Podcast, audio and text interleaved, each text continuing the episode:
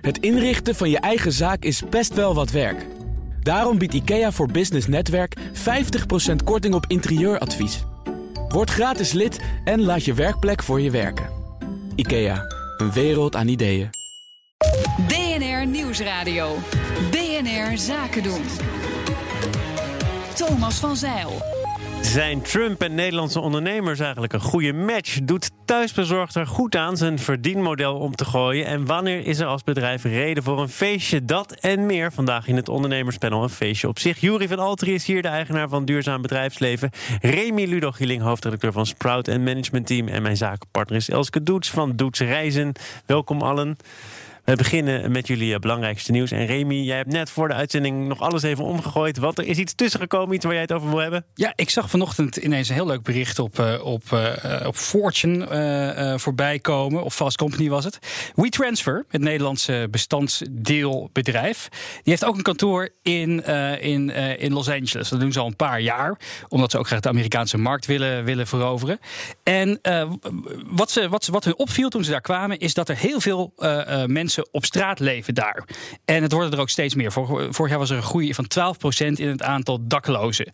Uh, en heel vaak komt dat omdat die mensen schulden hebben. En vooral schulden uh, in medical bills. Dus wat hebben ze gedaan? Zij zijn nu een actie begonnen met Headspace. Dat is zo'n appje voor, uh, om, om, om mindfulness te worden. Om, om 16.000 mensen te helpen van hun schulden af te komen. Hun, hun, hun healthcare schulden. Ze noemen het ook, ook RIP depth, uh, RIP Medical Depth. En ze willen uh, uh, voor 30 miljoen aan schulden opkopen. Dat kunnen ze doen doordat er allemaal weer tussenbedrijfjes zitten. En dat wordt allemaal weer verpakt in nieuwe dingetjes. Dus het kost uiteindelijk maar 3 ton. En met die 3 ton kunnen ze 16.000 mensen helpen van hun medische schulden af te komen. Ik vind dat je heel snel gaat, behalve dat het een heel mooi nieuws is. Hoe iets wat eigenlijk 30 miljoen kost voor retransfer ja. uiteindelijk een rekening oplevert van 3 ton. Nou, dat, dat, dat moet je dus ook een beetje tussen de regels doorlezen. En twee alinea's die gaan daarop in. Uh, en wat het volgens mij op neerkomt is... Uh, uh, er zijn dus heel veel schulden. Voor, voor een triljard aan medische schulden in Amerika. vaak kunnen ze die niet innen. Want je, je mag daar niet innen als mensen het niet kunnen terug, terugbetalen. Dus dan verkopen ze het maar weer. Schrijven ze van half af aan een soort opportunistische clubjes... die er, die er, die er op iets minder zuivere manier achteraan gaan.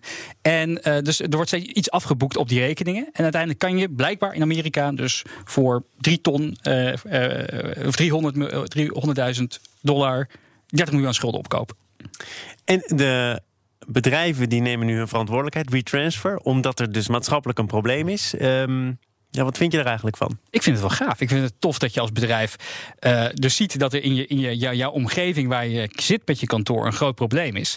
En dat je met een paar andere bedrijven die totaal iets anders aan het doen zijn, uh, denkt van, uh, van laat, weet je wat, we, we, pakken het zelf wel op. We, laten het niet over aan de. Ik nu in het gat dat de overheid waarschijnlijk wel min of meer bewust laat vallen. Ja, Vind ik mooi. Vind ik mooi. Ja, maar het is misschien ook wel weer uh, tragisch dat het zover moet komen, toch? Dat nu WeTransfer zegt: oké, wij pakken onze maatschappelijke verantwoordelijkheid en we zorgen dat deze mensen van de schulden afkomen. Ja, goed, er is een groter probleem. Want als je inderdaad in, in de hele maatschappij een triljard aan, aan medische schulden hebt, dan denk ik dat je er ook op overheidsniveau iets aan moet gaan maar doen. Ik wil daar dan wel even een nuance in aanbrengen. Want de hele technologische sector heeft ook, hè, even losstaand van medische schulden, heeft er ook voor gezorgd dat heel veel steden, bijvoorbeeld in San Francisco ja. is een goed voorbeeld, niet meer leefbaar is.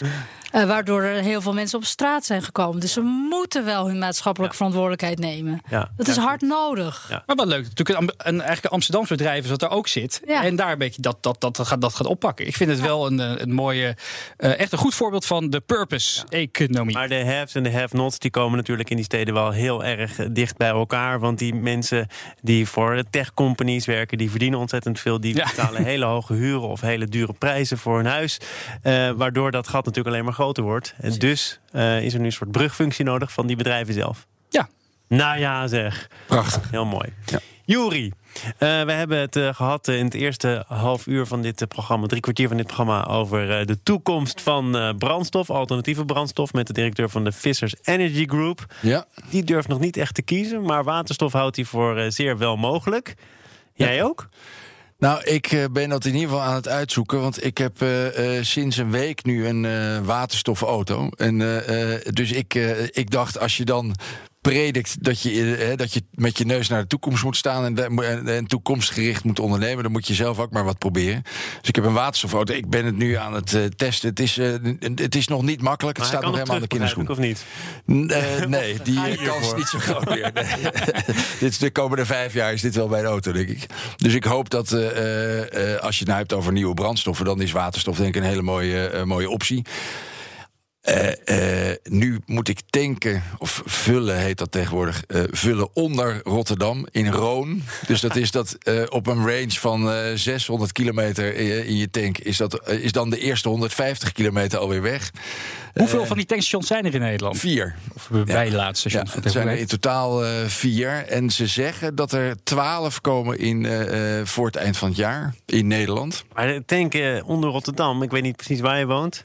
Ik woon in eh, Bloemendaal. Oké, maar dat is nogal een offer dat je dan moet brengen. Je moet toevallig in de buurt zijn. Ja. Of je moet echt er een hele onderneming van maken. Hoe Ja. doe je dat? Nou, het is een beetje, denk ik, zoals tien jaar geleden met de elektrische auto's. Eh, je gaat dus eh, eh, je gaat je afspraken daar een beetje op inrichten. Dus Op ik je probeer. Ja, dat is heel bizar. Maar ik probeer dus eh, eh, te kijken hoe kan ik het zo efficiënt mogelijk inrichten. En ik heb gelukkig ook iemand bij ons op kantoor met een elektrische auto. Dus soms dan wisselen we van auto. En dan rijdt de een zijn afspraak eh, in de buurt van Rotterdam en de ander eh, doet- pakt de andere kant. Ja, het is. eh, maar het mooie is wel dat dat vind ik het mooie. Er is ook geen één oplossing voor die duurzame transitie en die duurzame mobiliteit. Dus het zal een mix van verschillende eh, eh, brandstoffen, verschillende oplossingen zijn. En, ook het toch- openbaar vervoer moeten we natuurlijk ook niet vergeten. We hebben wat Openbaar vervoer. laten vallen in ons eerste Dus- gesprek. dus- dus eh, al- werd- als- Nou, over openbaar vervoer gesproken, Oh. weten we wel dat eh, eh, de, bus, eh, eh, de bussen rondom Schiphol, dat, die heeft de Waterstof. Grootste elektrische vloot. Hè? Oh, wauw. Eh, elektrisch. dus laten we het niet vergeten dat dat al fantastisch gaat. Wel, welk merk exploiteert zo'n zo'n zo'n tankstation dan voor waterstof? Is dat een van de grote merken? Of is dat weer een nieuwe speler die op de markt is Eh, gekomen? ja, dat bedrijf heet Air Liquide. Maar je ziet nu dat er wel wat, wat private ondernemers eh, bezig zijn met die tankstations. Maar Air Liquide is een Franse partij.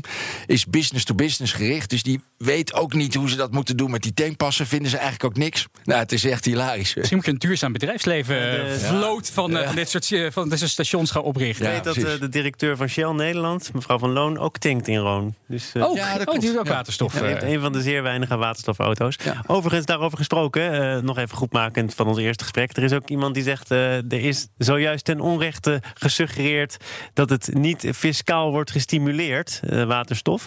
Wat merk jij ervan dat dat wel zo is? Nou, wat er is, is dat voor eh, nieuwe technologieën, trouwens ook voor hele traditionele te- technologieën, maar voor nieuwe technologieën en oplossingen is zeker eh, eh, fiscaal van alles mogelijk. En eh, ik weet dat er in Rotterdam een nieuwe fabriek gestart, opgestart is voor. voor Maar jij weet toch ook wat je aan fiscale voordelen hebt nu je die Oh, voor mijn, voor mijn ja, ja, voor auto. jou persoonlijk. Ja, 4 procent. 4 procent. Ja. Oké. We gaan naar jouw nieuws, Elske.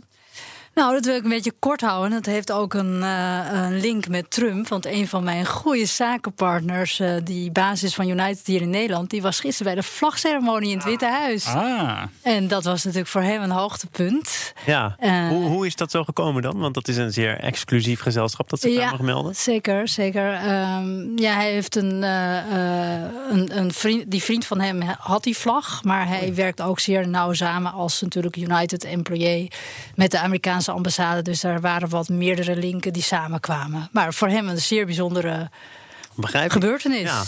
En hij was dan ook eh, waarschijnlijk in de buurt van twee zeer goede vrienden. Want dat is wat Rutte erover zei. Hè? En Trump ook. Wij zijn goede vrienden. Onze relatie bevindt zich op een hoogtepunt. Het is eigenlijk nooit beter geweest. Ehm, zagen jullie dat ook zo? Of zien jullie dat toch anders, Jury? Nou, ik denk dat dit, dit is natuurlijk. eh, het is politiek onhandig, denk ik, om het, eh, om het niet zo te zeggen. Maar ik denk, ik, eh, je ziet natuurlijk met, het, eh, eh, met de ellende rondom Trump. dat daar natuurlijk niet. eh, dat eh, verdient niet de schoonheidsprijs op allerlei. eh, Wat bedoel je met de ellende rondom Trump? nou, als je nu weer kijkt, hè, ik ben eh, verslaafd aan YouTube en verslaafd aan de eh, Amerikaanse politiek. En als je dan vervolgens ziet wat er nu weer gebeurt rondom eh, eh, de eh, racistische uitspraken van Trump op eh, vier congresleden, ja, daar, daar gaat natuurlijk niet goed daar. Nee. Nee, ik vind het ook, eh, als ik er even op mag inhaken. Ja, eh, ik, ik vond de opmerking het meest neigen naar wat onze gewaardeerde collega Sander Schimmelpenning altijd dom rechts noemt. Ik vind het, ja, hoofdredacteur van Quote. Dom rechts is altijd een beetje zijn paradepaardje. Dit is inderdaad echt zo'n opmerking wat een beetje op die, eh, op die, op die, op die, voor die doelgroep getarget is, volgens mij. Eh, inderdaad, je, dat je een beetje gaat aanschuren voor waarschijnlijk puur politiek gewin tegen een man die elke vorm van, van fatsoen al inmiddels, voor mij anderhalf jaar, hoe lang zit hij er inmiddels? Nee, Eh, is zijn wel laars, langer. eh, 2016 denk ik dat hij gekozen is. het, het, het voelt inderdaad nog langer. 2020 eh, wordt zijn nieuwe termijn. Ja, dus dat, dat, eh, dat, eh, eh, dat, je, dat je daar nu tegenaan gaat schuren van ja, we moeten gaan samenwerken. Dan denk je van joh, kom op. Nou, het zijn Eh, belangrijke jij handelspartners. Ja, het- ik, kijk ook eh, even naar jou. Eh, eh, Rutte heeft meteen gezegd: ik kom daar niet om eh, po- politiek zaken te doen, om een steun eh, te verlenen in Syrië of in de buurt van Iran. Het gaat mij om banen. Eh, Het gaat mij ook om het beschermen van burgers. Dus daar zou je toch nog in kunnen lezen dat ze het toch over defensie hebben gehad. Maar hij is daar op een handelsmissie naar Boston en hij eh, komt toevallig langs het Witte Huis. Moet je het zo gewoon zien? Nou ja, goed, wij Nederlanders zijn natuurlijk wel kooplieden. Hè, zo voelen wij ons. En zo stelt hij zich eh, terecht ook op. Eh, dus er is veel te brengen en veel te halen. Dus als dat tussen de oren van meneer Trump komt, wat ook een ondernemer is, kan dat helemaal niet negatief zijn. Nee, dat vind ik ook het lastige. Want eh, dat, eh, dat is in de Nederlandse politiek natuurlijk ook. De, eh, de president die, die komt en gaat. En de Amerikaanse economie en de banden tussen de Nederlandse en de Amerikaanse economie zullen altijd eh, eh, eh, intensief blijven. Dus ja, dat, Dat, is dat is ook natuurlijk een beetje lastige inderdaad. Je, je hebt niet die man nodig om goede zaken te doen. Je hebt, je hebt genoeg ondernemers daar zitten waar je de zaken mee kunt doen. Het is niet zo dat, omdat vandaag Mark Rutte langskomt... dat morgen nog Donald Trump weet wie die ook alweer op bezoek heeft gehad daar eh, Nee, ik op, kwam op op de onze stoel. eigen correspondent zei gisteren dat het te vergelijken was met het bezoek van de president van Liechtenstein aan Nederland. Dan gaan wij ook niet allemaal de straat op. Ik was toevallig in Washington vorig jaar eh, tijdens het vorige bezoek van Rutte. Eh, nou, ik vroeg nog, eh, eh, weten jullie wat er daar nu gebeurt? Eh, want het park was afgezet rondom het Witte Huis. En zelfs de mensen die bezig waren met het afzetten van dat park, die hadden geen idee. Geen flauw benul. Dus het is wel belangrijk om dingen in perspectief te zien. Want in Nederland is een enorme allergie voor Trump. Ik wil niet zeggen dat ik een aanhanger ben, maar in Amerika hebben mensen gewoon veel meer een filosofie dat ze gewoon door moeten. En is het gewoon veel minder een issue. En ik denk dat dat ook wel goed zou zijn als we in Nederland wat meer dat die Trump-front een beetje loslaten. Nee, maar ik- dit is Nee, geen voor- hè. Ik wil eh, alleen Ja. even aangeven dat Rutte voor Trump niet zo belangrijk is. Ik weet niet of jij je, kijk, kijk, dat, je, dat, je, dat je zaken moet blijven doen, is tot daar aan toe. Maar je hoeft je niet te gaan inlikken bij die man met dit soort tekstjes. Hij, hij leest het toch niet. En, ehm, dus waarom zou, waarom zou je het dan überhaupt nog gaan zeggen, behalve voor een beetje wat, wat politieke puntjes her en der? Nou, jij zit er anders in. Nou ja, goed. Ik denk dat hij op het gebied van handel een punt kan proberen te maken. Maar er is beperkte beweegruimte natuurlijk. Ja. Het enige wat ik wel cool vond, dat moet ik wel nog van zeggen, is dat er dus een Nederlandse ondernemer is geweest die ooit een keer een D-Day-vlag heeft Ja. gekocht voor 4 ton. Die eh, volgens mij zijn geld heeft verdiend met van die tasjes maken voor business class eh, eh, airline, eh, airliners, waar dan haar dingetjes zo in zitten. En die heeft hij dan nu gedoneerd aan het Smithsonian Museum in, in Washington. Dat vond ik dan wel weer heel. En dat was dus een mooie aanleiding voor Ja. meneer Rutte om aan te haken. ja, dus dat was eh, een klein lichtpuntje. BNR Nieuwsradio. BNR Zaken doen. Te gast is het ondernemerspanel en daarin zit de Jury van Altera, eigenaar van Duurzaam Bedrijfsleven. Remy Ludo Gieling, hoofdredacteur van Sprout en managementteam. En mijn zakenpartner Elske Doets van Doets Reizen. En we gaan het hebben over het aanpassen van je verdienmodel. Want dat gaat soms niet zonder slag of stoot. Zo ook deze week bij Thuisbezorgd. Zij testen een systeem waarbij restaurants voortaan een hogere plek op de ranglijst kunnen kopen. Tot grote onvrede bij ondernemers. Je moet er een beetje mee oppassen, Remy. Wanneer doe je dat wel? Eh, wanneer doe je het niet? Hoe doe je het dan precies? Zodat iedereen er vrede mee kan hebben. Eh, waarom lijkt dat hier toch niet helemaal gelukt te zijn? Nou, het is een slim eh, eh, model bedacht door, eh, door, door Takeaway.com of thuisbezorgd hier in Nederland bekend.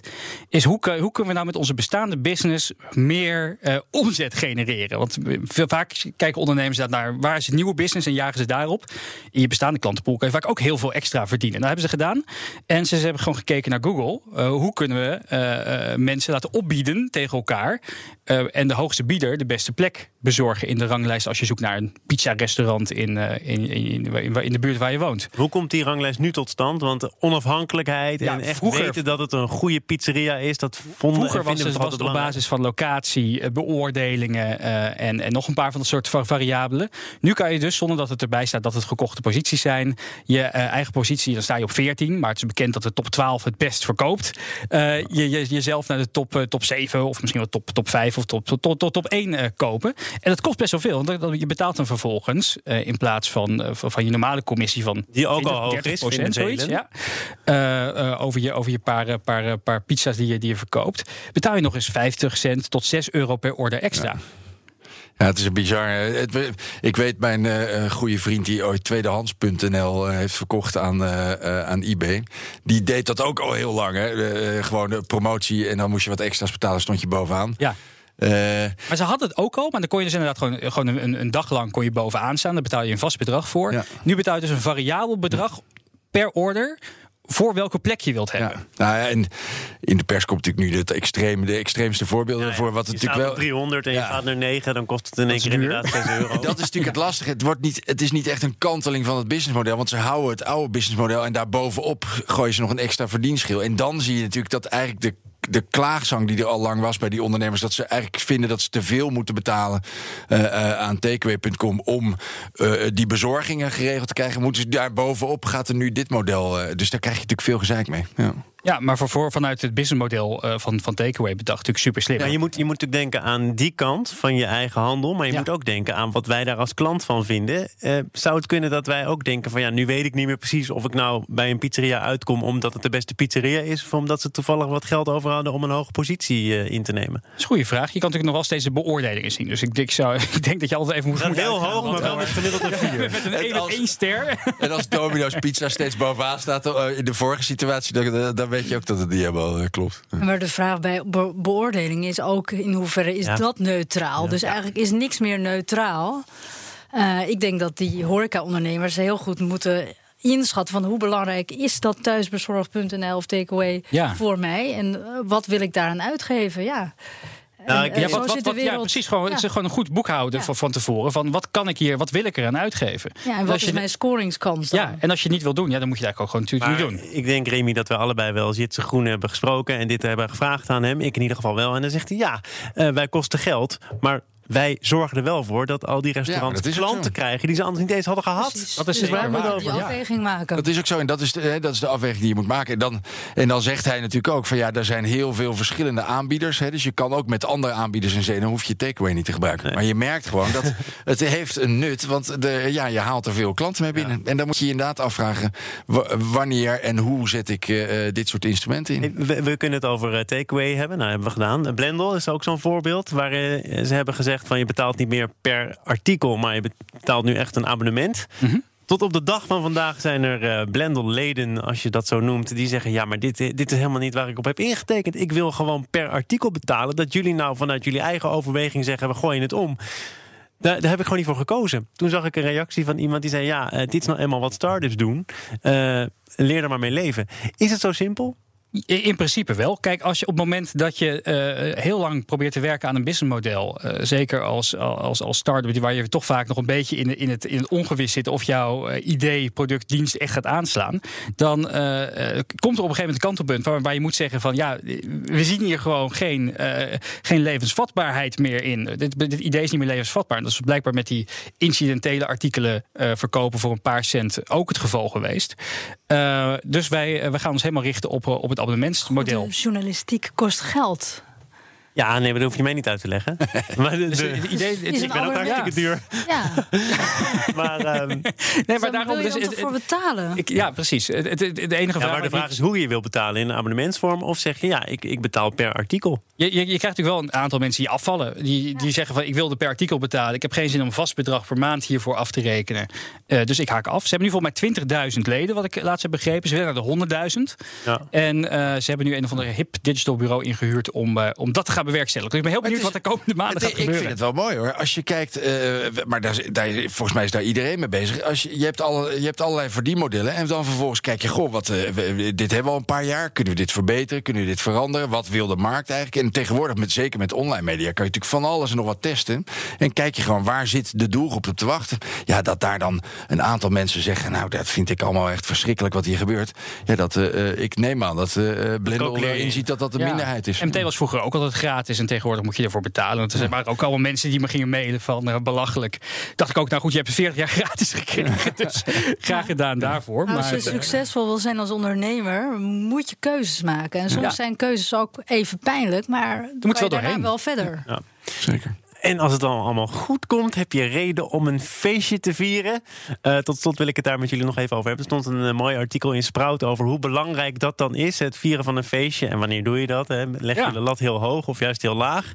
Eh Remy, wat vond jij eruit springen? Want ik kwam wat voorbeelden tegen. Helikoptervluchten, droppings, enorme bellen waar je op slaat als je een goede deal hebt gemaakt. Ja, ik, ik, kwam. hij stond de- deze keer niet genoemd in het artikel. Maar wat ik altijd wel grappig vind is bijvoorbeeld Young Capital. Die had volgens mij vorige week weer hun jaarlijkse eh, uitje. Dan hebben ze dus een enorm festival voor alle medewerkers die ze organiseren. Deze keer was bij een of ander kasteel in, eh, in, eh, in Limburg. En wat wel grappig is dat ze dan ook een aftermovie publiceren. En dan denk je wel. ze, ze, ze, ze, ze doen niet echt een. een, een- de, de, de, ze laten wel de uncut versie zien lijken. bij Dus de het was wel een goed feestje blijkbaar. Ja. Ehm, ik zat wel te denken, inderdaad, goh, wanneer, heb ik, wanneer hebben wij voor het laatst een succes gevierd met het, met het team? Dus Hadden jullie wel een wel. Misschien is dat het probleem. Ja, nee, wel. maar dat is wel, nou ja, jullie staan hier allemaal als ondernemers. Wanneer was jouw laatste feestje? Ehm, ja, ik doe altijd op vaste momenten per jaar. En als ik een succes heb, zoals een prijs, vind ik het altijd heel erg belangrijk omdat dat het team weet dat het hun prestatie is. En ik mag dan toevallig dat kristallen ding in ontvangst Dat is nemen. niet zo gek lang geleden nog Nee. gebeurd. Daarna was je hier te gast. Was dat, Ja. Is dat dan een reden om eh, mensen bij elkaar te roepen? Of Ja, meer maar te wij doen dat, elke ochtend doen we Oh. dat. Eh, eh, niet, niet per se Champagne vieren, maar erbij. wel, wel ook gewoon persoonlijke successen vieren. Dus benoemen wie is de beste scorer van deze week. Dat is heel Amerikaans, maar dat is gewoon stimulerend, vind ik. Want waar wordt ze om afgerekend dan? Nou, gewoon wie, wie is de beste, die krijgt ook de beste waardering. Maar Maar, dat maar, is maar, dat is bij sales makkelijker dan bij iemand van klantenservice, lijkt me. Klopt, klopt. Maar uiteindelijk zonder sales heb je ook geen klantenservice. Maar dan, dan winnen die klantenservice mensen nooit wat. Nee. We kunnen wel een borreltje meedrinken, of een stukje taart mee Die krijgen, prikken. die krijgen ook een, eh, Ja. een, maar eh, ook die het laatste stukje persoonlijke taart. aandacht vind ik heel belangrijk. Je kan wel allemaal heli-vluchten gaan doen, maar ik denk dat mensen het veel belangrijker vinden Hmm. dat jij persoonlijk interesse in ze toont, dan dat ze pampert met een heli-vlucht. Jury, wanneer ben jij voor het laatst een helikopter uitgesprongen? Ja, ik, ben, eh, ik realiseer me eigenlijk dat ik nog nooit in een helikopter heb die, eh, gezeten. naar die dus- auto toe gegaan. ja, precies. Daar gaat al mijn spaargeld naartoe. Nee, eh, de laatste keer, eh, we- volgens mij hebben we de laatste keer, hebben we, toen we website van het jaar werden, toen hebben we eh, dat heel hard gevierd. En dat was hartstikke mooi. Wat we wel doen, is we eh, hebben nu elke maand in ieder geval een dikke borrel met z'n allen. En daar bespreken we wel van tevoren, eh, voordat we borrels gaan drinken, wat er allemaal, wat, we- wat voor records we hebben gebroken. Wat, wat goed. goede jullie borrelen ook als het even een maandje minder ging? Of is het al heel lang geleden dat het een maandje wat minder ging? Eh, als je in de goede sector zit, dan, eh, Dan gaat het ja. wel. Het is, het is wel grappig dat, dat in het artikel wordt ook Stijn van der Weijden aangehaald als een consultant bij Great Place to Work. En die zegt ja, dat er in Nederland eigenlijk zo weinig successen worden gevierd door bedrijven. Ja. Dus dat het meestal, het kabbelt een beetje door, weet je wel, we doen het omzet erbij en het is allemaal wel, wel, Nou, dat wel- vind wel ik het mooi mooie van. geweest. eh, wij werken veel met eh, technische eh, bedrijven, hè, dus van die echte hardcore technische bedrijven. En wat ik daar zo fantastisch vind, is die daar eh, vindt men briljante oplossingen en innovaties voor allerlei klanten. Dan heeft men die vervolgens eh, ze eerst ontwikkeld, dan vervolgens geïmplementeerd bij een klant. En dan daarna is het, nou nu is het wel weer, maar gaan ze weer verder naar de volgende. Het is zo, daar zou echt veel meer eh, eh, resultaat gevierd moeten worden bij technologische bedrijven. Ik vier dat het eh, voorbij is. Ik vond het wel leuk dat jullie er waren hoor. We hebben geen scheepsbel. Ja, nee, ik heb geen scheepsbel. Dat eh, het zou op de radio denk ik wel goed werken. Maar misschien ook wel voor ongelukken zorgen. Jurie van Alteren, eigenaar van Duurzaam Bedrijfsleven. Fijn dat je er was. Remy Ludo Gieling, hoofdredacteur van Sprout en managementteam. Daar moet je dus tegenwoordig voor betalen. En mijn zakenpartner Elske Doets van Doetsreizen. Fijn dat je er was als mijn zakenpartner. Tot de volgende keer. Een kleine update maakt een wereld van verschil. Daarom biedt IKEA voor Business Netwerk gratis snelle interieurtips en ideeën. Word gratis lid en laat je werkplek voor je werken. IKEA, een wereld aan ideeën.